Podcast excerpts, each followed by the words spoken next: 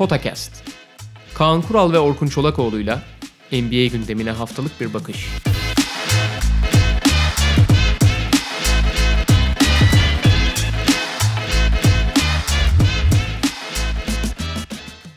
Merhaba, Podcast'a hoş geldiniz. Kaan Kural'la birlikte Noel'in bir gün sonrasında karşınızdayız. Şimdi Noel maçları her zaman Noel günü özel oluyor NBA'de.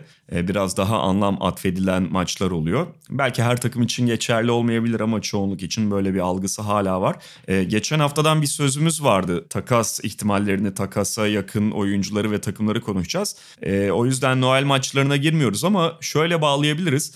Özellikle Noel maçlarında alınan bazı sonuçlar, bazı takımların zayıflıklarının işte daha fazla insanın önünde göz önüne çıkması belki belli alışverişleri tetikleyebilir ya da belli konularda takımları daha fazla ikna etmiş olabilir. Bunu tabii ki kesin olarak bilmiyoruz ama işte dünkü maçlarda da Lakers'ın, Denver'ın, belki Milwaukee'nin bilmiyorum Milwaukee'nin çok aksiyon alacağını düşünmesem de belli sıkıntıları göz önündeydi. Ee, ama biz tabii bu takımlarla sınırlı konuşmayacağız. Bütün takımları değerlendireceğiz. Ya Noel maçlarının daha sonraki yansımalarını tekrar konuşacağız. Tek tek Noel maçlarını konuşmaya gerek gö- görmedik. Ee, zaten ben Amerikan Mutfak'ta da zaten bahsedeceğim yarın. Şey ama bir tek yani buradan bir sürü küçük çıkarım olabilir. Bir tane noktanın bence altını biraz çizmek lazım yani Noel maçlarıyla ilgili olarak.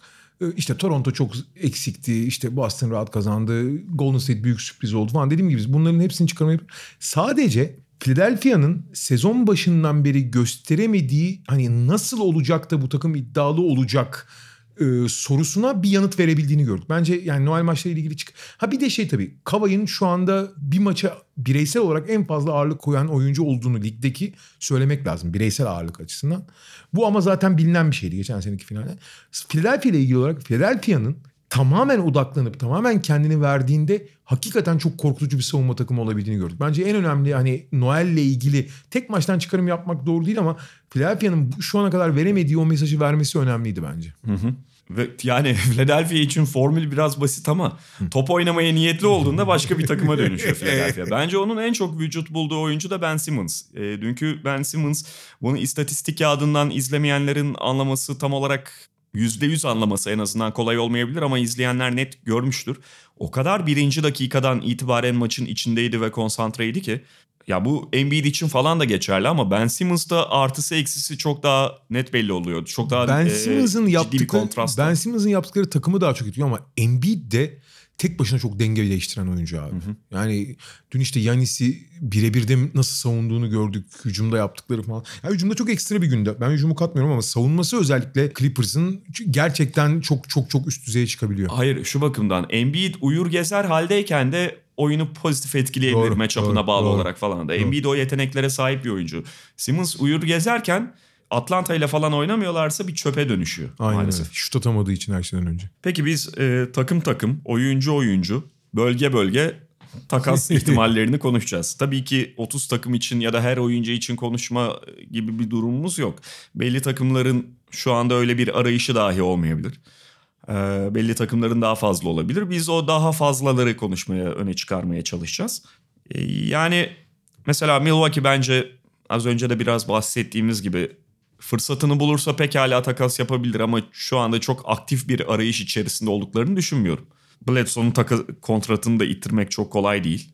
Kimsenin de kolay kolay alacağını zannetmiyorum. Çünkü Bledsoe o kontratla çok çok yüksek bir kontrat değil. Yıllık 20 milyon dolarlık kontrat ama Bledsoe'nun herhangi bir takıma kısa veya orta vadede çok büyük fark yaratacak bir oyuncu değil. Yani bir ana parça olabilir ama ona belli sorumlulukların sınırının dışına çıkmasına izin vermeyeceksin ve ancak ve ancak Milwaukee türü bir takımda bir parça olabilir ve herhangi Milwaukee ölçeğindeki başka bir takımın da onu almaya niyetli olduğunu da zannetmiyorum. Ha Milwaukee'nin takas e, partneri olacak herhangi bir takımın da Bledsoe'yu isteme ihtimali yok denecek kadar az. Boston Celtics bu arada Doğu Konferansı'nda sıralamaya göre gidiyorum. Boston Celtics tabii sezon başından beri çok daha fazla takas ihtimallerinde, takas dedikodularında, senaryolarında öne çıkarılan takım. İşler belki onlar adına iyi gidiyor ama kağıt üzerindeki problemleri de aslında duruyor orada. Uzun sıkıntısı. Şu ana kadar idare etmiş olmaları ve işte 28 maçta 21 galibiyet almış olmaları ayrı bir konu. Mesele kendileri için uygun takas senaryosunu bulabilecekler mi? Takas ihtimali karşılarına çıkacak mı?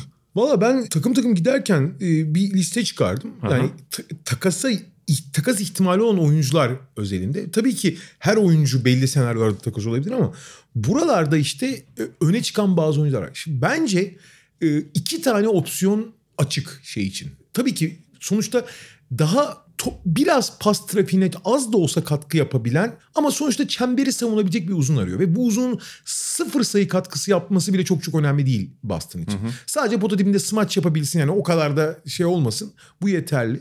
Ama savunma konsantrasyonu yüksek olsun takımdaki o kimyayı uyumu bozmasın. İşte bu senaryoda en azından piyasada olma ihtimali olan oyunculara baktığımız zaman benim aklıma iki aday geliyor. Dediğim gibi ben oyuncuları çıkardığım için o iki aday herhangi başka bir takıma da gidebilir. Çünkü bu oyuncular takasa açık oyuncular ve e, kulüplerin takası açık bıraktığı oyuncular. Biri Steven Adams. Tabii ki bunu biliyoruz. Yani e, Oklahoma City'nin Russell Westbrook'u bıraktıktan sonra tamamen takımı sıfırlamaya çalıştığını zaten biliyoruz. Steven Adams'la ilgili soru, sorun şu. Steven Adams'ın kontratı çok yüklü. 27 milyon dolar alıyor galiba. O kontratı eşitlemek yani çünkü aynı miktarda da kontratı geri göndermeniz lazım. Boston için inanılmaz zor bir senaryo bu. Üçüncü takım devreye girmeden Boston bunu yapamaz. Ana parçalarından birini vermediğini varsayarak konuşuyorum tabii ki. Yani Gordon Hayward'ı veya başka birini vermediğini. Yani bu takıma ekleme olarak Steven Adams yapılacaksa bir senaryo ile üçüncü bir takımın devreye girmesi lazım. Diğer isim de Jonas Valanciunas. Çünkü Memphis'in de orta vadede Brandon Clark ve Jaren Jackson Jr. ile yola devam edeceği, Valanciunas iyi de kötü de oynasa onların planlarında çok olmadığı ortada. Bu iki oyuncu yani Steven Adams da Jonas Valanciunas da doğru takas senaryolarında takımdan ayrılabilirler ve açıkçası Boston dışında da bu iki oyuncuyu çok çok fazla isteyecek takım var mı? O da bir soru işareti. Yalnız Boston'ın oyuncuları almak için kesinlikle üçüncü bir takım devreye sokması lazım. Valanciunas'ın da kontratı çünkü yüklü. Çok da yüklü değil galiba. O 20 civarında olsa gerek. Biraz ama daha ya düşük. hayır yani Adams kadar yüklü değil Ya. ama yüklü. Evet ama yani burada bir cambazlıkla yani işin teknik olarak halledilmesi için de bir cambazlık lazım. Yani Boston elindeki bazı değerleri. Mesela Memphis'in gelecek seneki draft hakkını Memphis'e geri vermeyi kabul edebilir. Memphis de bundan bence çok memnun olur. Ama bu sadece yeterli değil. Yani Valanciunas karşılığında Memphis'in elinde onların elinde olan draft hakkını geri verirse bence Memphis bunu kabul eder. Ama başka bir şey daha lazım. Bir partner daha lazım ki e, şeyleri maaşları eşitleyebilsinler. Ya şöyle bir şey olabilir. Boston'ın elinde ana çekirdeği bir kenara bırakırsak ki o çekirdekten kimseye kıymayacağını düşünüyoruz. Yani bu nedir? İşte Gordon Hayward, Jalen Brown, Jason Tatum, Kemba Walker onları bir kenara Ve Marcus koyalım. Smart. Ve Marcus Smart. Bunları çünkü Marcus Smart'ın da aslında 12 milyon dolarlık kontratı var. Yani dahil edilse sana birçok şeyi çözebilir. O bahsettiğin kontrat dengesizliğini halledebilir. Ama küçük parçalardan koyarsa e, Thais, Enes Kanter, Romeo Langford gibi oyuncuları koyarsa 10 milyon doların üzerine çıkarabiliyor toplamı ve belli bir noktaya en azından Valanciunas için dengeleme noktasına gelebilir.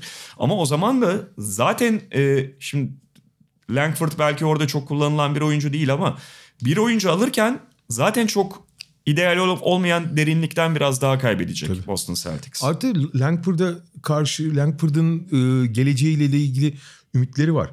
E, ama yani Valanciunas ve Adams'ın yani bu iki e, Memphis ve Oklahoma City bu iki oyuncuyu takas etmeye açık ama başka bir adres de görünmüyor. Yani bu kontratlarıyla şu anki oyundaki rolleriyle başka bir ta- takas partneri bulmaları da çok zor Boston dışında. Evet e, yani belki hani bu profilde bu kadar öne çıkan bir oyuncuyu değil de daha e, işte o Thais Enes Kanter profiline şey olarak oyuncu seviyesi olarak yakın bir oyuncu daha alabilirlerse almaya bakarlar. En azından biraz daha derinlik olsun. Burada belki yani Adams veya şey için Valanciunas için uygun bir şey olursa Clippers'ın tekrar devreye girip giremeyeceği de bence bir soru işareti. Yani onlar e, sadece Zubats'la yola devam edip Montrezl Harrell'ı ana 5 numaralı gibi görü- gö- görüp bu yani şampiyonluk yolculuğunda bunun yeterli olmadığını görürse bir hamle daha yapabilir mi? Onların hamle yapma ihtimali daha fazla çünkü. E, ücret eşitlemek anlamında. Ellerinde bir tane de draft hakkı var hani verebilecekleri. Ee, hala bir hafif de olsa bir hamle şansı var Clippers'ın ama bu iki oyuncuya yönelebileceğini de çok zannetmiyorum ben. Willie Cauley-Stein'a ne diyorsun Boston Celtics için? Abi feci ya Willi Kuliştayn. Yani Willi Kuliştayn'ın söylediğini iki hücum uyanık bir hücum uyuyarak geçirmiş haliyle hiç olmaz yani aslında hiç. Hayır şöyle bir avantajı var. Bedava neredeyse. Abi bedava bile almazsın. Yani Willi Kolstein buyout edilip Boston'a gelse Boston'da o, o 13 kişilik kadroya giremez bence yani. Girmemeli daha doğrusu. Yani biraz disipline edilirse çok dağınık takımlarda oynadı çünkü bugüne kadar. Yani bundan önce de Sacramento. Sonuçta atletik yetenekleri Boston Celtics'in elindeki diğer uzunlarda tam olarak olan bir şey değil. Doğru. Yetenek konusunda haklısın ama karakter olarak ben hiç uyacağını düşünmüyorum. Takım takım mı devam edelim? Valla ben oyuncu oyuncu ayrıldım. İstersen oradan tamam devam edelim. oyunculardan da gidebiliriz. Bence Brooklyn'de bir yol ayrımına geldi. Gene oyuncu bazında. Onlar da şimdi çok uzadı şeyin Kyrie Irving'in sakatlıktan dönüşü.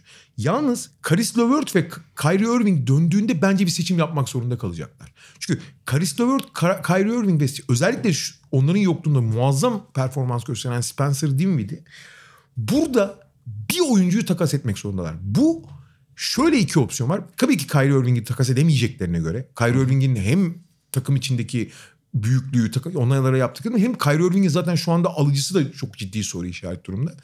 Dinwiddie ve Lavert. Şimdi Dinwiddie bu kadar iyi durumdayken onu e, en değerli halindeyken elden çıkarmak da bir opsiyon veya Lavert karşılığında istedikleri bir e, kanat parçası almak da bir opsiyon. Çünkü gerek Kyrie, hadi Dinwiddie bir miktar ama gerek Lavert çok temaslı oynadıkça daha temaslı, daha e, fiziksel olarak oyuna ağırlık koyacak bir kanada ihtiyaçları var. Böyle bir opsiyonu önerebilirler ama kim partner olacak onlara?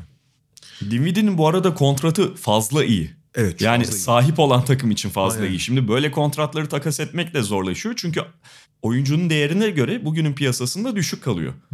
Yani kimle eşleyeceksin? kelepir abi, kelepir. Çok büyük. Zaten o yüzden kontrata hissedar eklemeye çalışıyor Evet. Dinwiddie. Yani NBA'li arasında Bak bu kontrat değerlenir diye. Ee, buradan yani e, o opsiyon bir tarafa bence piyasadaki en önemli ve en dikkat çekici iki isim Cleveland'da Kevin Love'la Tristan Thompson.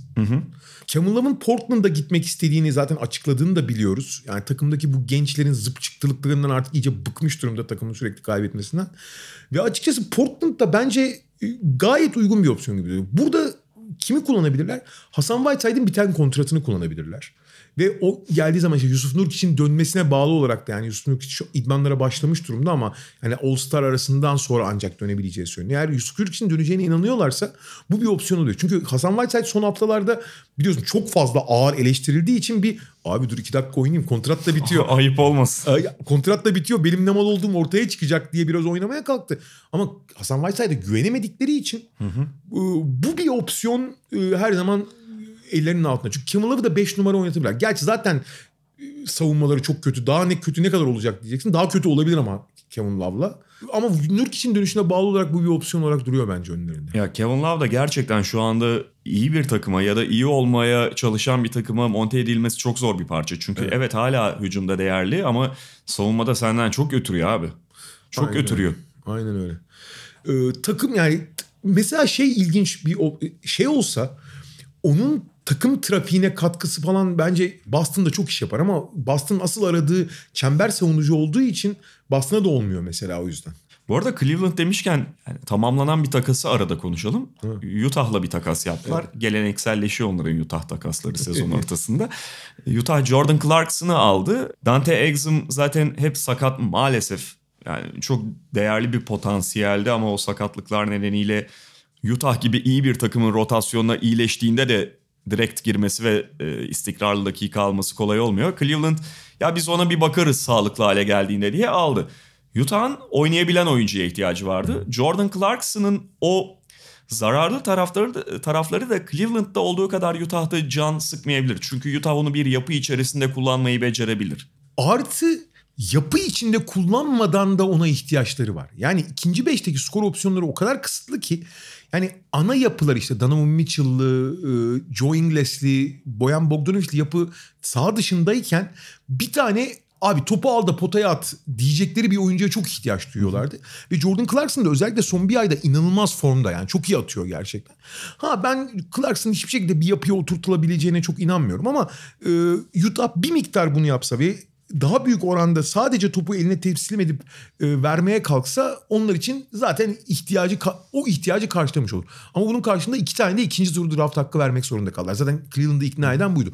Çünkü mali açıdan da Utah için daha avantajlı bir kontrat bu. Çünkü Clarkson'ın kontratı sezon sonunda bitiyor. Dante Exum'un gelecek sezonda devam eden bir kontratı. Ama bu da Cleveland'ı çok rahatsız etmiyor. Onlar zaten orta vadeli bir plan yapıyorlar. Hiç kısa vadeli bir beklentileri yok. Ya maalesef Dante Exum'un Utah'da artık olmayacağı belliydi. Doğru, doğru. Ee, çok maalesef çok sakatlık geçirdi. Şey Utah'ın yine işte bu Cleveland takasıyla kaybettiği Alec Burks rolünü doldurabilecek bir oyuncu Jordan Clarkson. Orlando'da Aaron Gordon'dan her an vazgeçilebilir ama Aaron Gordon kendi değerini çok düşürdü. Aynen işin kötüsü. E, bence hala bazı takımları cezbedebilir ama kolay kolay ittirilebilir bir kontrat da değil Aaron Gordon'ınki. Çünkü Aaron Gordon büyük bir soru işareti olarak geliyor. Mesela bundan iki sene önce Aaron Gordon ağ sulandıran bir oyuncuydu. İyi tarafları gözüküyordu. Şut atamaması ya da şut istikrarsızlığı dediğimiz eksisi de ya nasılsa zamanla halledilir diye bakılıyordu. Bugün Aaron Gordon'a takımlar baktığında abi kaç sene oldu hala şutta bir düzelme yok. Geçen sene biraz iyiye gider gibi oldu. Şimdi yine %30'lara indi diye bakıyorlar. Ama Aaron Gordon şu ana kadar oynadığı rolden farklı olarak bir takımın üçüncü parçası olarak monte edilirse ve top yönlendirme veya yani her şeyi tamamlayan ama hiçbir şeyde ana sorumlu olmayan bir oyuncu rolüne evrilebilirse Aaron Gordon'un hala değer verebileceği takımlar var. Ha beklenen çıkışı hiçbir zaman yapamaması, sürekli yerinde sayması, maç içinde kaybolması falan çok büyük soru işaretleri. Ama Aaron Gordon'dan verim alabilecek e, bir yapıyı bulmak mümkün. Sadece öyle bir finansal yükümlülüğün altına girer misin? Yani üçüncü parça arayan bir takım için e, mesela şöyle herhangi bir ideal dünyada hiçbir şekilde karşını ver, karşında bir şey vermeyecek olsaydı mesela Lakers için olabilirdi mesela anlatabiliyor muyum üçüncü parça olarak. Ee, ama tabii ki şu anki senaryoda hiç Lakers'ın öyle bir şey hareket alanı yok. Zaten Lakers'ın hareket alanı olmadığı için şu ana kadar Iguodala'yı takas edemediler. Hareket alanından kastımız yani şey elinde bir tane net aset var Kyle Kuzma'da ama verebilecek kontratı yok. Evet. Yani şöyle Kentavius Caldwell-Pope'un 8 milyon dolarlık kontratı var ama şarta bağlı o. Onaylaması gerekiyor bildiğim kadarıyla kon- takasları ve yani Ya onu bir şekilde Rich Paul ile falan ikna ederler. LeBron James'e de bir yemeğe çıkarır. Şöyle işin ilginç yanı Kentavius Caldwell-Pope özellikle bu takımda bence son özellikle bir ayda öyle bir yere oturdu ki çok kolay kolay Lakers vazgeçmek istemeyecektir de Kentavius Caldwell-Pope'tan. Ha onun yerini e, sağlam bir şekilde doldurabilirse eyvallah ama yani şu senaryoda Kentavius Caldwell-Pope'tan vazgeçemez. Bu arada e, Kuzma'nın takası çok ciddi konuşulmaya başladı. Çünkü Kuzma e, Noel maçını iyi oynadı gerçi Clippers maçını ama şu ana kadar bu takımda entegre edilemeyen ve açıkçası Davis ve LeBron'un olduğu senaryolara entegre edilmesi de en zor parça olarak ama hala değerli bir parça olarak görüyordu. O yüzden Lakers bir hamle yapabilecekse Kuzma'nın orta ve uzun vadeli getirisinden çok daha kısa vadeli bir getiriye dönüştürülebileceği. Yani aynı Anthony Davis takasında olduğu gibi çok konuşuluyor. Ve hatta son dönemde Bogdanovic e, Kuzma takası çok daha sık konuşulur olmuştu. Ama bu da tabii Sacramento açısından çok mantıklı gelmiyordu kimsenin kulağına. Bence hiç mantıklı değil. Şu bakımdan şimdi Bogdanovic ile Sacramento'nun hikayesinin çok devam etmeyeceği belli gibi. Kontratı vermiyorlar. Galiba ayrılık olacak. Dolayısıyla Bogdanovic hali hazırda kontratlı oyuncuları iken bir takasta kullanmaları tabii ki çok mantıklı. Ama neden Kuzma olsun? Çünkü şöyle bir şey var. Şimdi Kyle Kuzma hangi pozisyonları oynayabiliyor? 4 oynayabiliyor, 3 oynayabiliyor. 3 de hadi e, Zor. zorlarsa hani senin güzel hatırına diyelim. Abi 3 ve 4 rotasyona bakalım Sacramento Kings'in. 4 numara Marvin Bagley ellerindeki en yatırım yaptıkları oyunculardan biri. Ve Nemanja Bjelica. İşte onu 5'e çekmeye çalışıyorlar ama çok zorlanıyorlar. Bagley Evet. e, yani Olmadı. sezon biter. Öyle söyleyeyim. Bu sezon playoff yapacaksa o hayalden vazgeçmezler. 3 3 numaraya bak. E, Harrison Barnes yeni kontrat verildi ve Trevor Ariza. Abi Kuzma'yı burada nereye sokacaksın ki? Evet.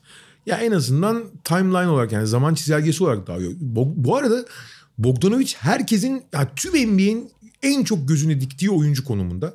Kontratı bitiyor. Çok mantıklı bir kontrat var. 8,5 milyon dolar civarında bir kontratı var. Ve açıkçası şu anda NBA'deki 30 takımın 30'una da büyük veya küçük bir katkı yapar. Ha tabii ki çok uzun vadeli yani yani bek, e, atıyorum tamamen takımı sıfırlamış ve çok uzun vadeli beklenti olan bir takım için belki çok iyi opsiyon olmayabilir ama gerek playoff'a iddiası olan, gerek playoff'ta iddialı olmak isteyen, gerek şampiyonluk iddiası olan her takıma oturur çünkü hani oyun kurucu özellikleri var, bitirici özellikleri var, oyunu çok iyi biliyor, e, kritik anlarda çok sorumluluk alabiliyor, kritik anda e, büyük anda oyundan sinmiyor falan. Bu yüzden Milwaukee başta olmak üzere hemen hemen her takım için çok çok iyi bir opsiyon Bogdan Bogdanovic. Ve eğer Sacramento gerçekten ona yeni bir kontrat vermeyecekse çünkü yeni bir kontrat vermeleri demek Harrison Barnes kontrat almışken işte bu sezon aldıkları Corey Joseph'lara, Dwayne Dedman'lara belli kontratlar vermişken ve özellikle Bagley, F- Hill yeni kontrat almışken Bagley ve Fox'un kontratı da yaklaşırken Aha. abi lüks vergisinin de- defalarca üstüne çıkmaları gerekecek bu sefer. Yani birilerinden birinden vazgeçecekler. Bagley veya Fox'tan mı vazgeçeceksin yoksa kontratı biten ve açıkçası burada çok çok da mutlu gözükmeyen Bogdanovic'ten mi? Ve vazgeçeceksen de şimdi vazgeçmen lazım. Tabii. Ben dediğim gibi o yani Bogdanovic'le Sacramento'nun hikayesinin çok fazla süreceğini düşünmüyorum. Takas edilecek ama Lakers'a edileceğini sanmıyorum. Ya bu, Çünkü- çünkü... Kuzma yani Lakers'ın elindeki tek aset verilecek olan Sacramento'nun bir işine yaramıyor.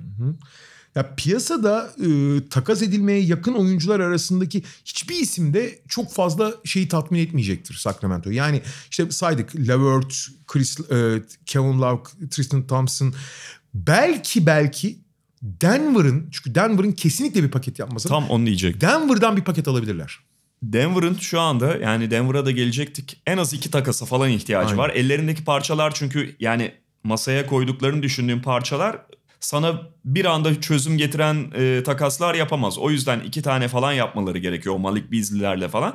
İşte oradan Sacramento'nun ilgisini cezbeden bir şey çıkabilir. Bogdanovic'e karşı. Çünkü Denver Lig'in en geniş kadrosuna sahip 15 tane falan gerçekten belli şeyler yapabilen oyuncusu var. Bunlardan 2-3 tanesini paket yapıp e, Bogdanovic'le takas yapıyorlar. Mesela Malik Beasley hı. artı e, Juanco Hernan Gomez e, gibi bir paket veya yanına belki Porter Jr. hani Porter Jr.'ın da geleceği parlak veya bir potansiyel gösteriyor.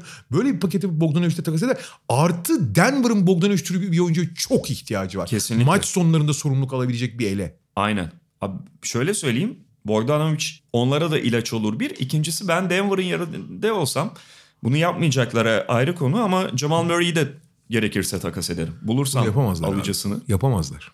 Yani alıcı bulamayacakları için mi diyorsun? Yok abi yani yani şöyle o gerçekten ya çünkü kulübün baya baya simgesi olmaya başlamış bir oyuncu. Çok kritik şutları falan attı. Yani o onu ı, takım sahibine ve şehre anlatmak kolay olmaz. İşte yerim öyle simgeyi abi. Doğru doğru ben de yerim. Ben, Ben, bak değeri düşecek böyle böyle. Olur. Jamal Murray'nin çünkü overrated olduğu bence yavaş yavaş anlaşılıyor.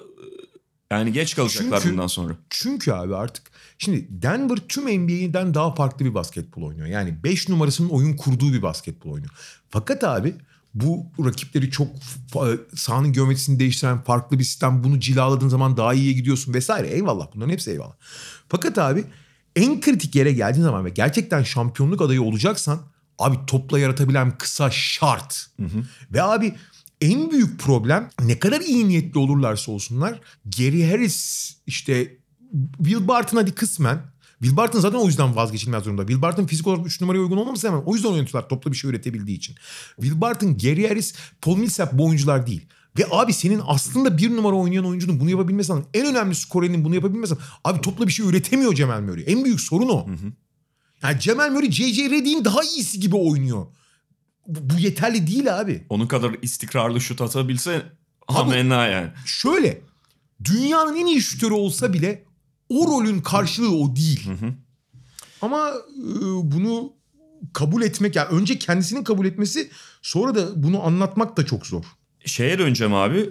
Sacramento'ya dediğim gibi ittirilebilecek. Bu arada şey e, Sacramento'yu etkileyebilecek mi? Denver kadrosundaki bir iki tane isim dışındaki hemen hemen herkesi belli paketlerle konsolide etmek zorunda. Bu kadar geniş kadroyla hayata devam edemezsin abi. Çünkü bak Malik Beasley o arızayı çıkardı. Hepsinin özellikle Malik Beasley'nin, Montemoris'in çaylak kontratları bitiyor. Onlara kontrat vermen gerekecek. Hepsi oynamak istiyor. Dakika alamıyorlar. Artı zaten oynatamıyorsun.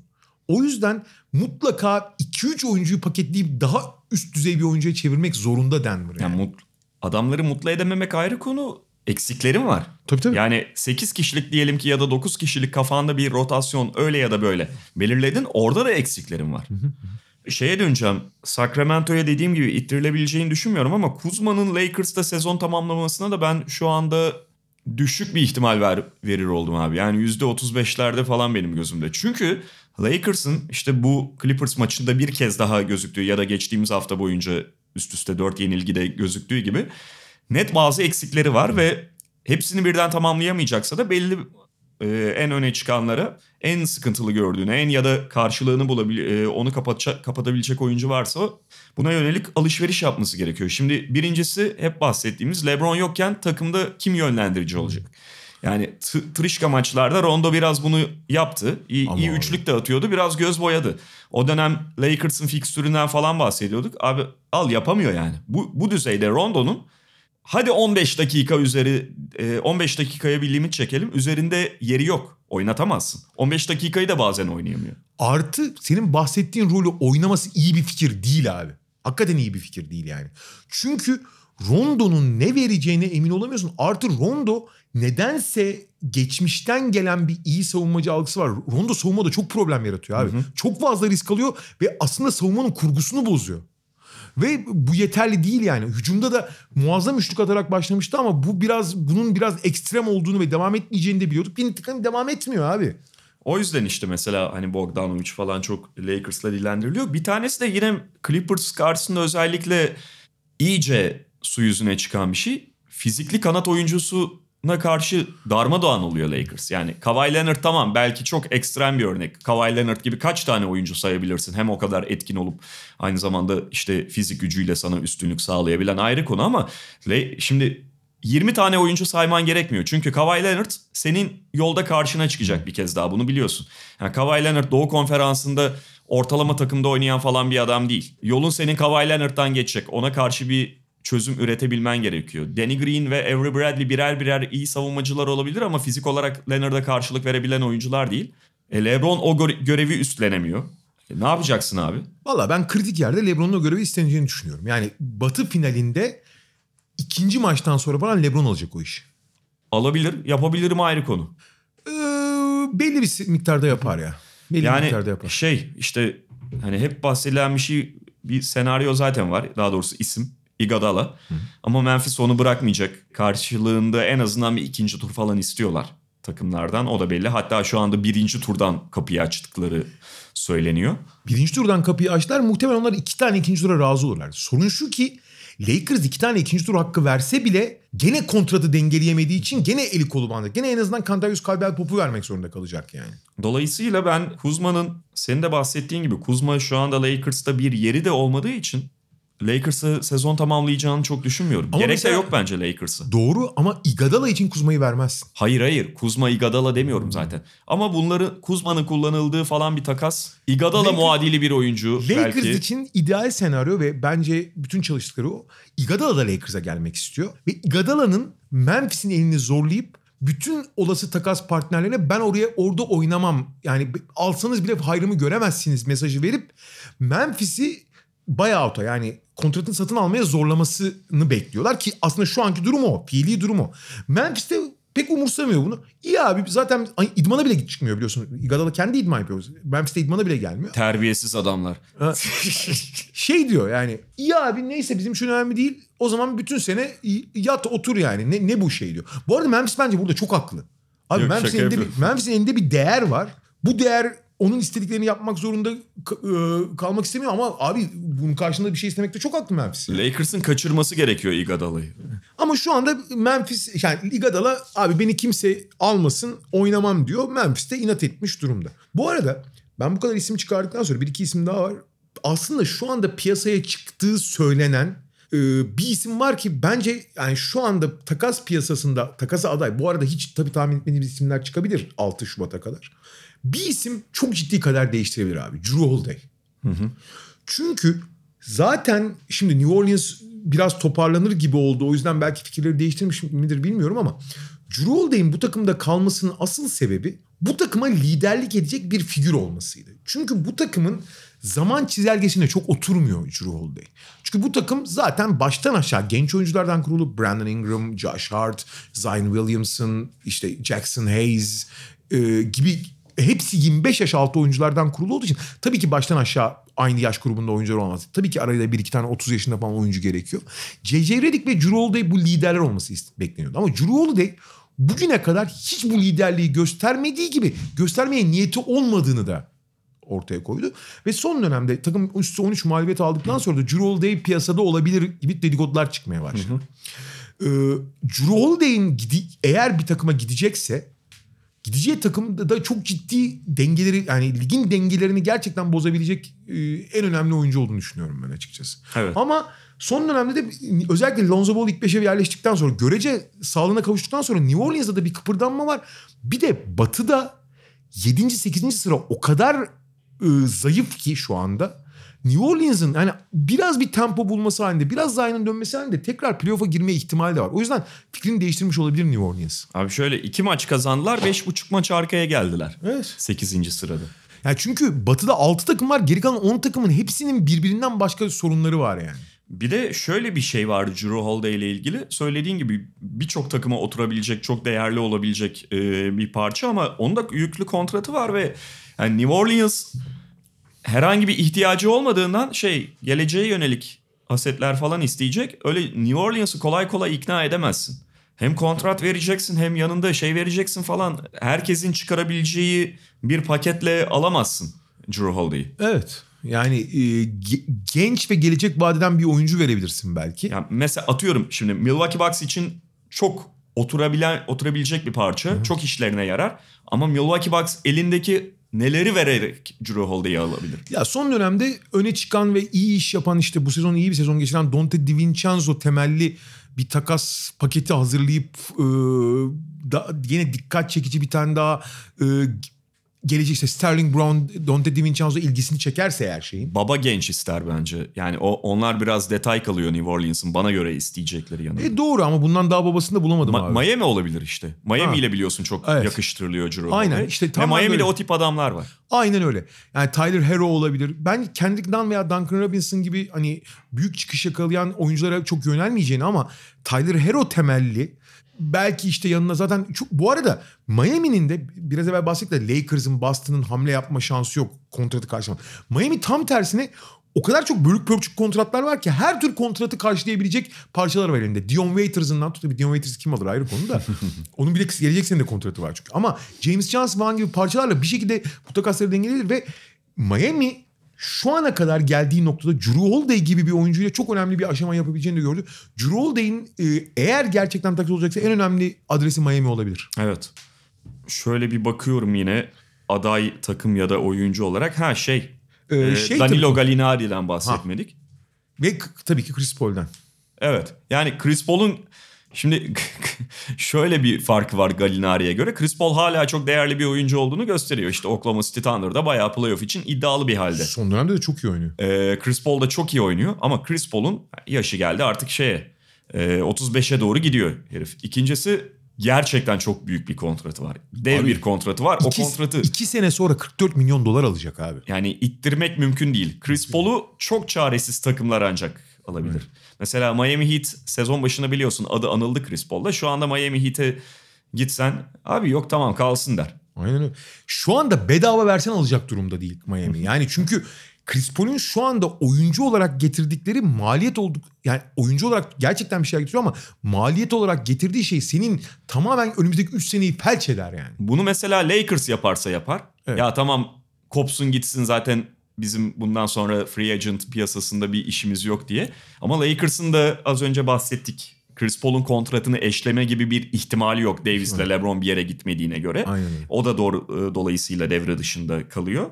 Ee, yani mümkün gözükmüyor pek şu anda Chris Paul'un bir yere gitmesi. Aynen öyle. Gallinari orada ihtimal. Ha Gallinari zaten şu anda takas piyasasında en çok öne çıkan isim Gallinari. Çünkü Gallinari oyunu itibariyle 3-4 hatta zaman zaman 5 oynayabildiği, çok iyi bir nokta şütör olduğu, e, fizikli olduğu, büyük anlardan çok sinmediği için her takıma uyabilir. Ve kontratı bitiyor abi her şeyden önemlisi. Kontratın son senesinde. Peki kimlerin mesela her takım hemen hemen aday olur Gallinari için de kimlerin cezbedici şey verebileceğini düşünüyorsun? Abi Şimdi işte burada orada- kontrat da söylediğin gibi bittiği için bazı takımlar bir dakika abi sezon sonu bizden gidebilecek bir adama o kadar da fazla şey vermeyelim çekingenliğinde oluyor. Aynen ya şimdi bu biraz işte pazarlıkta başlangıç noktası. Yani işte Oklahoma City çok şey istiyor sen az şey vermek istiyorsun. Bir nokta orta noktaya alıyor. Ve bu orta noktaya kim gelebilir? Yani Gallinari karşısında bir tane birinci tur draft hakkı en azından istiyor tamam mı? Bir, bir tane birinci tur draft, draft hakkı üzerinden başlanabilir konuşmalara. Şöyle mesela Kuzma cazip gelebilir şeye tamam mı Oklahoma City'ye. Kuzma Gallinari takısı ama abi Gallinari her takıma uyar dedik ama belki de en az uyacağı takımda şey e, Lakers olacak. Hani 3 numaraya çektiğin zaman yani Kuzma'nın zaten yaptıklarını 3 aşağı 5 yukarı Galinari de yapıyor. Çok bir şey ge- ge- değiştirmiyorsun Lakers senaryosunda. O yüzden bu riske girmeye Lakers çok yanaşmayabilir. Ki zaten yine kontratlarla işlemek büyük problem olacak. Onun dışında ama kimler yapabilir? Burada mesela bence Denver Denver herkesin bir opsiyon. Burada yine bir opsiyon. Çünkü Denver'ın kadroyu biraz daraltması gerekiyor her şeyden önce. Bu daraltma yüzünden Malik Beasley temelli bir işte Malik Beasley çok mutsuz olduğu ve sezon sonunda e, sınırlı serbest kalacağı ve kontrat verilmesi gerekeceği için bu sezonda e, serbest oyuncu kalmadığından dolayı Malik Beasley'e biri ciddi kontrat verebilir. Ciddi derken şeyin Denver'ın vermek istemeyeceği 12-13 milyon dolarlık bir kontrat.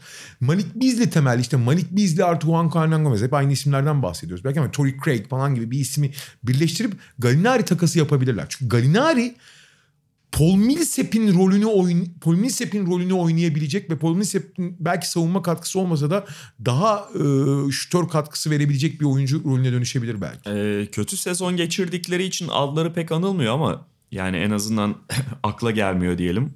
Takas için pekala hamle yapabilecekleri düşünülüyor. Acaba San Antonio aradan kafayı uzatabilir mi? San Abi sen- Antonio bu arada satan da olabilir. Aynen. Abi San Antonio'nun şöyle bir şey var. San Antonio Nanda De Colo'dan beri sezon içi takas yapmıyor. Zaten San Antonio'nun geleneklerinde yok. DNA'sında yok sezon içi takas yapmak. Fakat abi San Antonio'nun bir karar vermesi lazım artık.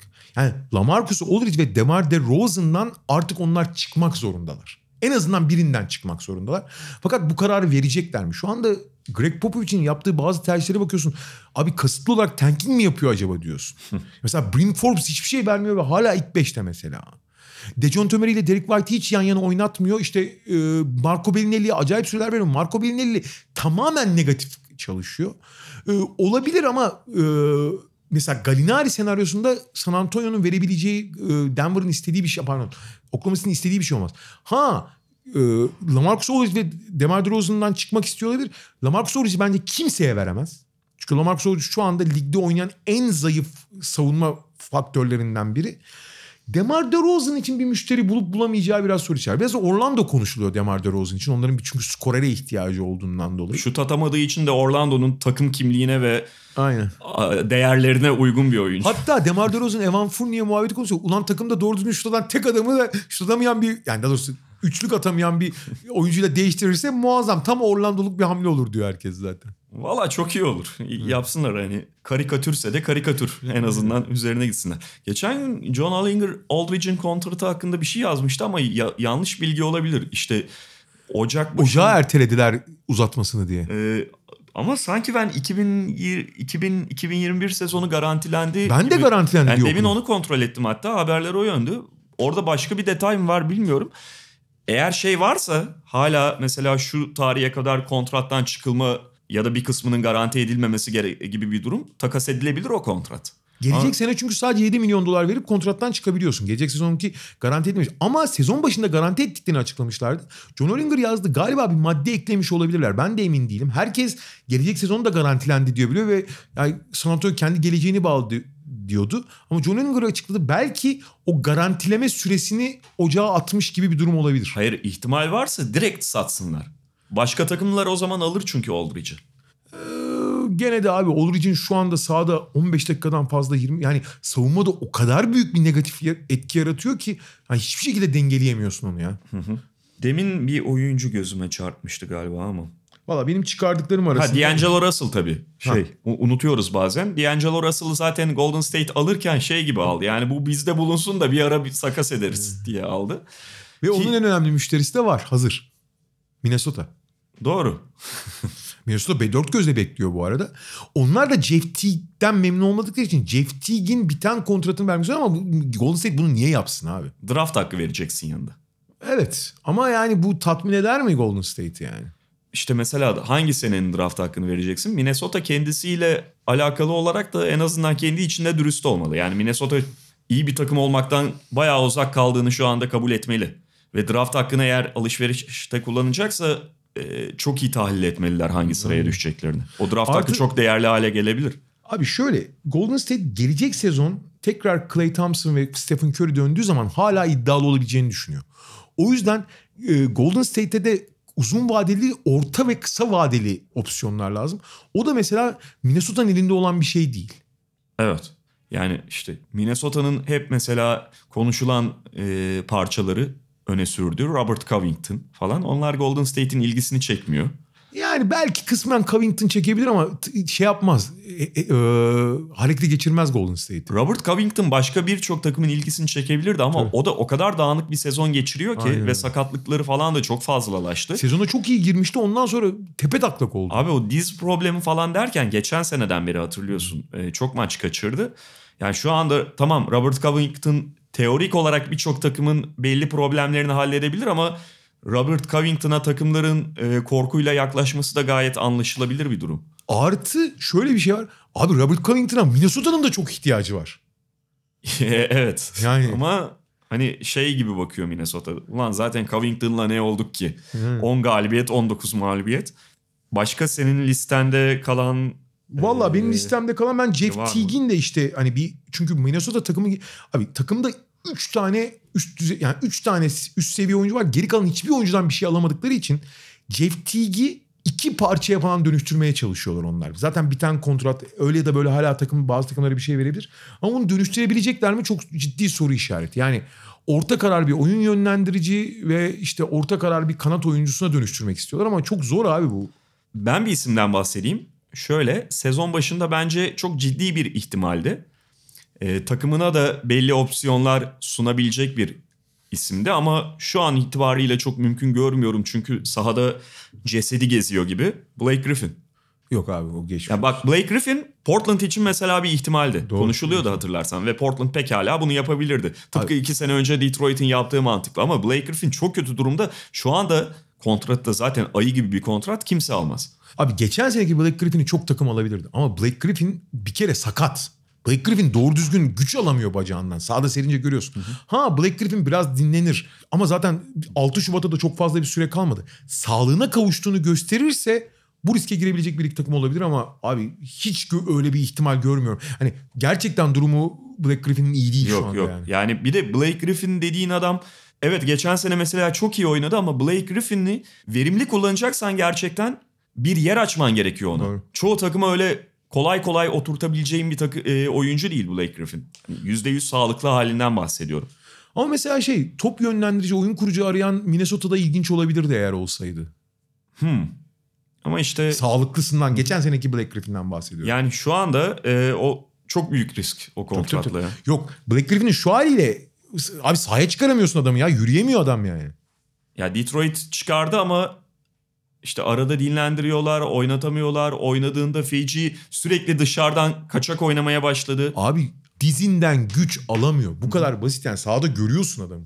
Aaron Baines sence son olarak onu sorayım. Yani senin listende biri daha yoksa tekrar bir ihtimal haline geldi mi? Çünkü biliyorsun şimdi Aiton'un cezası bitti ve bir ara zaten ilk beşten düşmüştü. Sakatlığı falan da vardı ama Kaminski de orada var olduğu için Aiton da döndükten sonra Aaron Baines'i en azından iyi bir teklife karşı elden çıkarılabilir görebilir Phoenix Suns. Ve bu sezon değeri yani bu kadar fazla üçlük attığı için değeri bu kadar artmışken karşılığında orta vadeli bir değer alabilirlerse kesinlikle yaparlar bu takası. Ve Aaron Baines'e çok ihtiyacı olan eski takımı var ee, Boston. Ama Boston bu işe girebilir mi? Artı Aaron Baines de şöyle bir bu sezon değerini çok arttırdı Aaron Baines evet. Artı Aaron Baines şu ana kadar e, savunmada yaptıklarıyla sahaya rakamsal olarak yansımayan katkılarıyla da çok değerli bir oyuncu evet. Ama abi Aaron Baines'le ilgili bir şey de ortaya çıktı. Abi Aaron Baines korkunç fazla sakatlık yaşıyor ya. Yani Aaron Baines'in arka arkaya 10 maç sağlıklı olduğunu görememeye başladık artık yani. Sürekli sakatlık yaşıyor. Oyun stiliyle de alakalı bu- bunca vücudunun yıpranmış olmasıyla. Ve Aaron Baines genç bir oyuncu da değil düşünürsek. Ee, çok yani hemen hemen hemen her takımda daha büyük veya daha küçük bir rol alabilir Aaron Baines. Bir takas opsiyon olacak ve onu hedefleyen takımlar da olacaktır. Ama ona bel bağlayarak Phoenix'i tatmin edecek bir e, paket verebilirler mi? Çünkü bu kadar sakatlık riski taşıyan bir oyuncuya bel bağlamak da iyi bir fikir değil yani. Bel bağlamak demeyelim ama hani belli bir ölçüde riske girerek onu rotasyona dahil edebilecek ve Ba- Baines sağlıklı kalırsa çok denge bozabileceği bir takım var. Clippers. Evet. Evet. E çünkü Boston Clippers'ın abi. elinde belki mega bir aset yok ama çok fazla irili ufaklı şey var. Draft hakları da var. Yani Phoenix'i e, işine gelebilecek bir şey önlerine atabilirler. Aaron Baines'i de oradan çekerlerse belki tek eksiğini kapatmış olacak Clippers. Aynen öyle. Ki aynı şey Boston için de geçerli. Evet. Boston'ın verebileceği şey hani Memphis'in draft hakkını vermezler onlar. Memphis'ten gelecek draft hakkını. E, o yüzden onların elleri biraz daha zor olur bu iş için. Peki sende başka biri galiba yok. Yok. O zaman böylelikle kapatıyoruz. Ee, Bugünlük bu kadar diyelim.